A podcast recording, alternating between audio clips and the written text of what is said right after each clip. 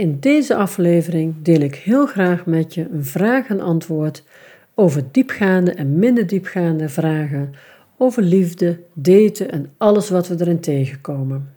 Je zegt, ik wil eigenlijk een universitaire of vergelijkbaar niveau. Ik begrijp het hoor. Niveau is een must. Alleen niveau is niet altijd gekoppeld aan het niveau van studie. We ontwikkelen ons op heel veel niveaus. Het studieniveau is het IQ. Maar een veel belangrijker niveau in een relatie is het EQ, het emotionele equivalent. Dus dat is eigenlijk waar we de relatie op moeten selecteren. Alleen als we heel erg in ons beeld zitten van ja, maar ik wil per se iemand met WO, dan beperken we ons eigenlijk heel erg, heel groot deel sluiten we uit. Want niet alleen onze opleiding is onze school, het leven is onze school. En hoe vaak ik geen vrouwen nu zie die zeggen: Ja, ik vond het altijd heel belangrijk, maar ik heb iemand ontmoet, joh, en het is zo geweldig, het is zo fijn samen. Ik merk dat verschil niet meer. En dat is dus de vraag: ben je bereid om dat beeld wat je in je hoofd hebt, van dit wil ik per se, ben je bereid dat eens wat anders te bekijken? Om ook eens mannen te ontmoeten zonder dat je dat hele strakke universitaire niveau houdt. Want niveau is een must, maar niveau zit niet alleen op het opleidingsniveau. Dat is eigenlijk wat ik mee wil geven. Nou, dat even over het selecteren. Dus je doet per dag 10 tot 15 profiel. Bekijk je, daar komen een aantal favorieten uit. Je verzamelt er een paar en dan begin je dus contactverzoeken klaar te zetten. Ondertussen krijg je misschien enkele uitnodigingen of heel veel. En dan ga je dus bekijken ja, nee, wees niet te strikt, want degene die hier die vraag stelt, zou ik echt zeggen, maak het eens wat ruimer. Kijk eens wat verder dan alleen je eerste indruk. Nou, daaruit komen, dus uit die berichtjes die je ontvangt, daar ga je ook even selecteren. En het is natuurlijk heel leuk als er iemand tussen zit waarvan je denkt, nou, zou ik zelf niet bedacht hebben, of hij woont veel te ver weg. Zorg gewoon, als dat een leuke uitnodiging is of een leuk contact, ga er gewoon voor. Iemand die 150 kilometer weg woont en jou benaderd heeft, vindt autorijden niet erg. Of reizen. Dus vul het niet te veel in. En natuurlijk is het leuk om iemand in de stad te hebben waar een kopje koffie kan drinken. Maar het is je eindman nog niet. Zorg, als je uitnodigingen krijgt of contactverzoeken, kijk gewoon of je zo snel mogelijk naar een, naar een afspraak kunt. Dat je de eerste twee, drie weken misschien al een afspraak hebt. Dus ga dan niet heel ingewikkeld zelf eerst om een cv's uitsturen, contactverzoeken. Veer eens een beetje mee. Als er een aardige man zit waar je niet gelijk helemaal op aangaat, ontmoet hem gewoon. Want daten moet je leren. Daten op deze manier is echt oefenen. We hebben het heel vaak over oefenmannen, oefendates, tussenmannen, eindmannen. We hebben soorten en maten. Maar daten moet je leren. En wat je moet leren is dat je die aannames gaat loslaten. De grootste blokkade in het daten en het vinden van de liefde zijn alle aannames waar we zo snel mee zijn. We zien iemand binnenkomen, tjaka, en we weten het al. En dat we iedere keer oefenen om die aannames eens terug te nemen. Of te denken van, oké, ja, ik ben ook altijd zo snel. Of uh, klopt dat nou eigenlijk wel wat ik denk? Daarom ben ik ook zo een voorstander van tweede dates. Want in een tweede date kun je dus eigenlijk testen of je aannames kloppen. Heel vaak kloppen ze niet, soms wel. En dan is het altijd gevaarlijk om te zeggen: ja, maar mijn intuïtie, zie, ik wist het al. En de volgende keer is het weer anders. Dus niet te vooringenomen daten. De volgende vraag. Ik moet zeggen, ik krijg best veel berichtjes van mannen. Ik richt me op één man tegelijkertijd. De andere stuur ik dan on berichten. Nu heb ik contact met één man. Een paar leuke berichtjes over en weer volgens het advies. Heb ik als laatste berichtje aangegeven. Eigenlijk ben ik niet zo van het mailen, ik ben meer van de echte ontmoeting. Hoe is dat voor jou? Nou, ik krijg een snelle reactie terug. Goed idee. Ik ben ook meer van de echte ontmoeting. Hier heb je mijn nummer. Dan kunnen we proberen via WhatsApp een afspraak te maken. Ik zal alvast in mijn agenda spieken. Man aan mijn hart, dit is wat we willen. Jij doet hem, hè? jij zet dat, doet dat voorzetje en hij, baf, hij schopt hem zo in het doel. Fantastisch. Maar dan, wat gebeurt er dan met haar? Nu gaan er bij mij allerlei alarmbellen rinkelen in de zin van hij wil eerst nog eindeloos appen, terwijl ik gewoon meteen wil afspreken. Omdat WhatsApp ook niet zegt. Ik wil ook niet te streng zijn.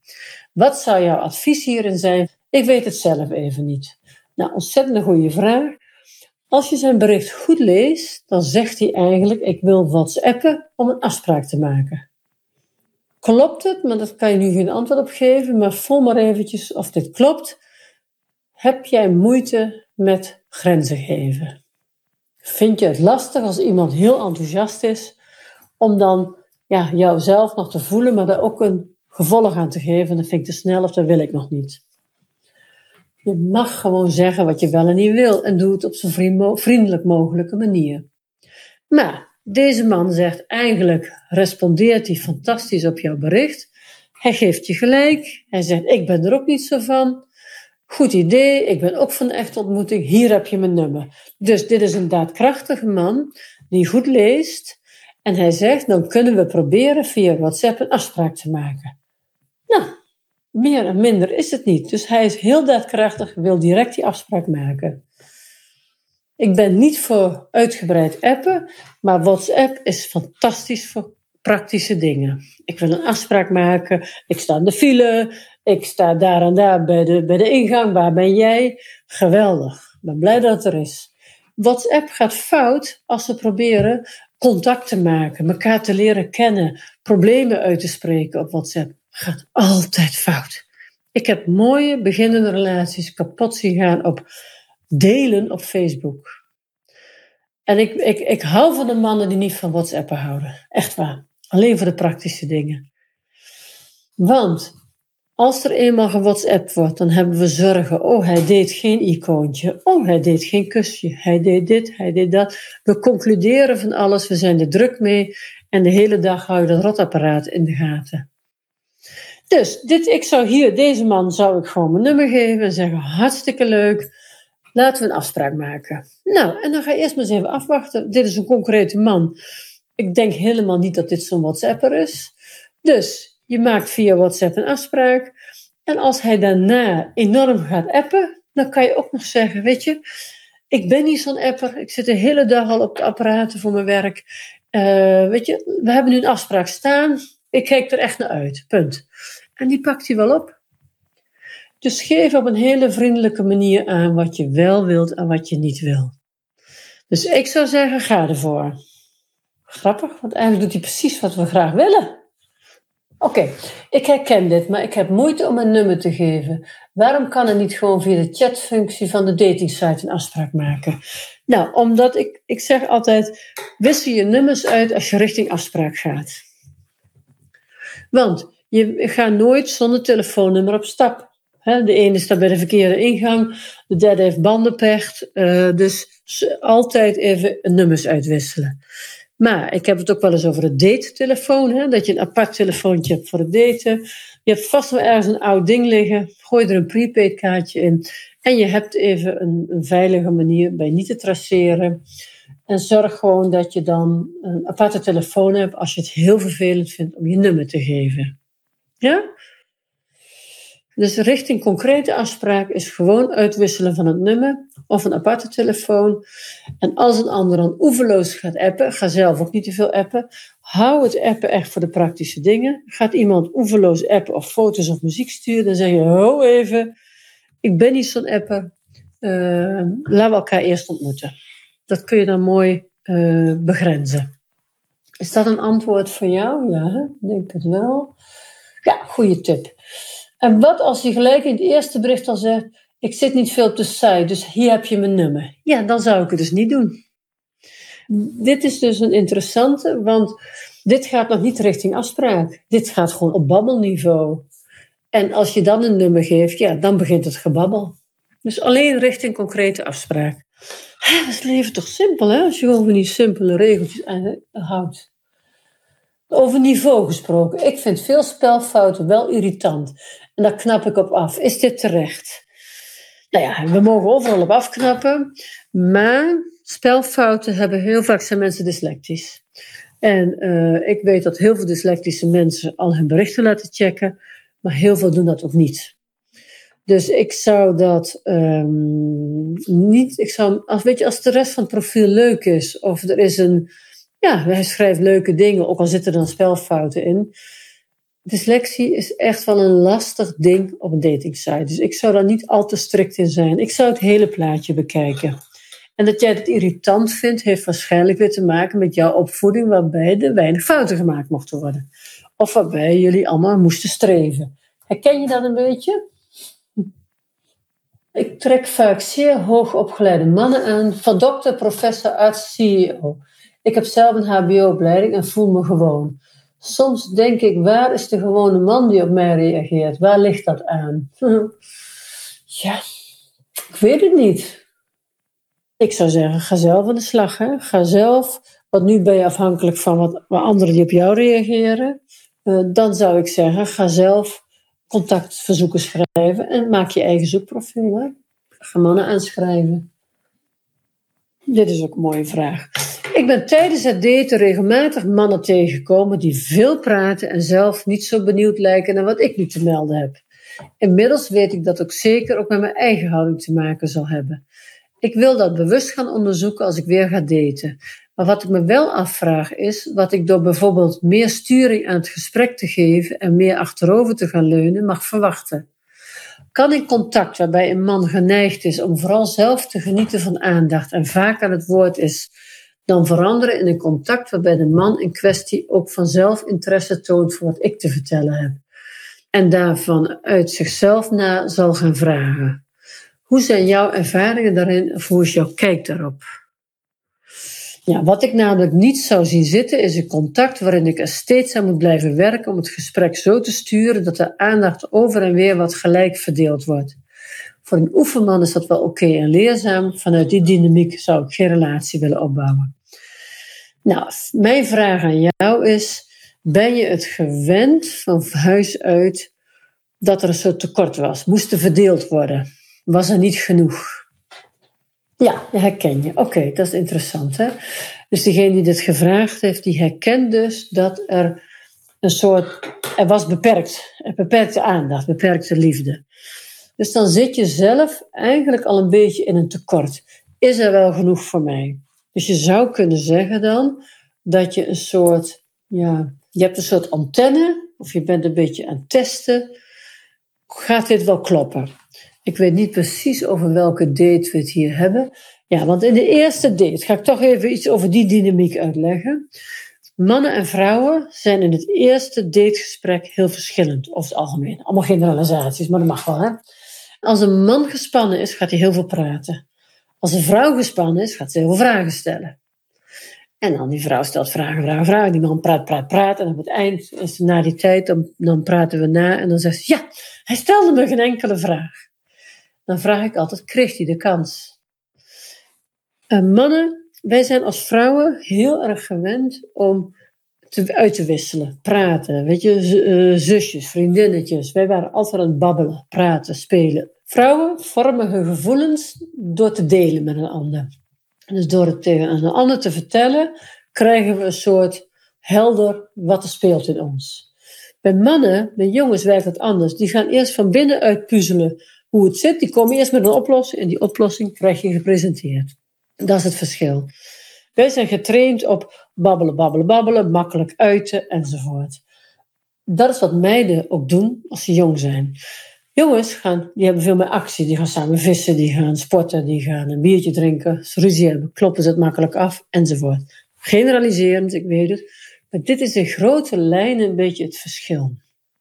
En dan gaan we daten.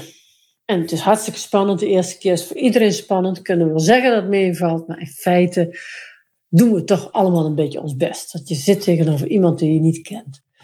Nou, de man voelt zich het veiligste bij bepaalde onderwerpen waar hij veel van weet. Nou, vaak natuurlijk over werk, nou, soms over auto's, sport, weet ik veel. En uh, de man vertaalt spanning in meer praten. Uh, dan zit je er als vrouw bij en jij vindt het spannend en jij kiest de veilige weg en stelt vragen. Dus die man is uitgepraat, volgende vraag komt. Uitgepraat, volgende vraag. Wil je dat een man vragen stelt, is het heel belangrijk dat je stiltes gaat laten vallen. Dus dat je eens even niks zegt. Dat als hij uitgepraat is, dat je het eens even laat. Maar vaak vinden we het zelf moeilijk om stiltes te laten vallen. We worden ongemakkelijk van. Herken jij dat? Dat je het moeilijk vindt om stiltes te laten vallen? Word je er ongemakkelijk van? Nee, heb je niet. Oké. Dus dat zou, je, dat zou je uit kunnen proberen. Dat is een beetje het terugzitten. Dus dat over het verhaal. Ja, en, en uh, de ander is niet per definitie benieuwd naar je. Dat is toch nog een soort van. Uh, we hebben toch vaak het gevoel dat we de ander leren kennen, de ander ons leert kennen als we maar veel praten. Nou, dat is wat die mannen dan gaan doen. Het is ook interessant of dat bij een tweede date nog zo is. Heel vaak is het in de tweede date anders. Of je, zegt er iets van, of je, de andere, je bent alle twee wat meer ontspannen. Ja, dan is je volgende vraag, wat ik door bijvoorbeeld meer sturing aan het gesprek te geven, meer mag verwachten. Ja, hier kom ik ook weer uit op de zes karaktereigenschappen. Want stel dat die man in de tweede, en de derde afspraak en de vierde Emma ratelt, ja, dan zit er een hunkerend jongetje onder, een hunkerend kind in. Als je heel veel praat, als je echt veel behoefte hebt aan praten, heb je over het algemeen veel behoefte aan bevestiging. Dus ik zou zeggen, geef het gewoon eens een kans. En zet jezelf op de kaart. Ga gewoon. Als hij, het is niet zo dat als de een vertelt dat hij maar gewoon een half uur door kan vertellen. Zeker niet. Hij vertelt iets en zegt, goh, nou, dat is ook bijzonder. Dat heb ik dan van de week precies zo meegemaakt. Toen ging ik dit doen, dat en dat. Weet je, haak in. Alleen als we gaan zitten wachten tot de andere een vraag stelt, zijn we een beetje aan het testen. Dus ga niet testen, ga je mengen in het gesprek. En laat die tester even buiten, want je bent er nog niet mee getrouwd. Je, gaat gewoon, je bent gewoon iemand het leren kennen. En je bent aan het oefenen. En het gaat erom dat je een beetje los gaat worden. Dat je het makkelijk gaat vinden. Dat je, dat je grapjes gaat maken. Op een bepaald moment zeg je, heb je ook een stopknop? Hoezo, hoezo? Nou ja, weet je, je bent al een half uur over je werk aan het vertellen. Dus luchtig, maak grapjes, bedenk iets. Uh, zit er ook een achteruit op? Of uh, time-out, werk nog een beeld. Het zijn allemaal dingen die je kunt doen. Luchtige grapjes om, zeg maar, dit te doorbreken. Want we zijn, een ander is zich heel vaak niet bewust over wat, wat, er, wat er op dat moment aan de hand is. Dus grijp gewoon in. En dan zeg jij, kan een contact waarbij een man geneigd is om vooral zelf te genieten van aandacht en vaak aan het woord is veranderen in een contact van een man die ook interesse toont. Dit gaat allemaal over zes karaktereigenschappen. Op het moment dat je elkaar beter leert kennen, en het is, hij heeft de zes karaktereigenschappen en hij houdt van praten en uh, hij zult genieten van aandacht, dan ga je het gewoon bespreken. Dan is dat gewoon een bespreekpunt, want een goede relatie deel je emotioneel je gevoelens. Dan zeg je, weet je, jij kan zo ongelooflijk uitgebreid over jezelf vertellen en ga bijna mezelf twijfelen.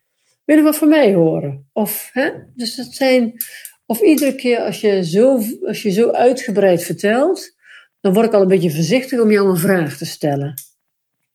En ik heb ook behoefte om dingen te vertellen. Nou, en dat is wat je doet samen. En als dat na een aantal maanden, ja, dat is natuurlijk leuk genoeg is voor je, hè? maar als dat na een aantal maanden geen verschuiving geeft, ja, dan besluit je gewoon niet volwassen genoeg. Of toch de eigenschap zelfreflectie is te laag. Dus ga niet sjorren en wees niet te snel met je aannames. Geef het een kans. Een ander doet het niet bewust uh, om jouw aandacht weg te nemen. Het is vaak onbewustheid. En ja, bijna niemand zegt dat natuurlijk tegen de ander. Dat is best jammer. Dus geef de ander het voordeel van de twijfel. En ga vervolgens zelf jezelf meer op de kaart zetten. Ga niet zitten wachten tot je de aandacht krijgt. Dat is helemaal niet nodig. En als je verder komt in dat contact, dan gaat er vanzelf een soort dynamiek ontstaan van ja, gesprekken met elkaar. Heb ik je een beetje kunnen inspireren? Bemoedigen?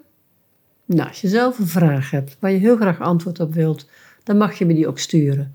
Support het laatste liefde. En vermeld even podcast. En voel je nu zelf, ja, ik zou er toch meer van willen weten. Ik zou echt wel stappen willen zetten om toch te kijken of ik ook weer die liefde kan vinden. Nou, ik help je er graag bij. Ik heb een mooi boek geschreven, Vind je eindman. Wordt heel veel gekocht door vrouwen, maar ook heel veel door mannen. En wat ik daarin doe, is dat ik je tips geef, adviezen, heel veel vertel over de liefde. En ik gun het je ook zo, om die liefde te vinden. En heel veel mannen en vrouwen vinden hun liefde omdat ze tips toepassen en nieuwe dingen leren. Ik noem het het nieuwe daten of daten 2.0. En je kunt het boek bestellen op laatsteliefde.nl/slash boek.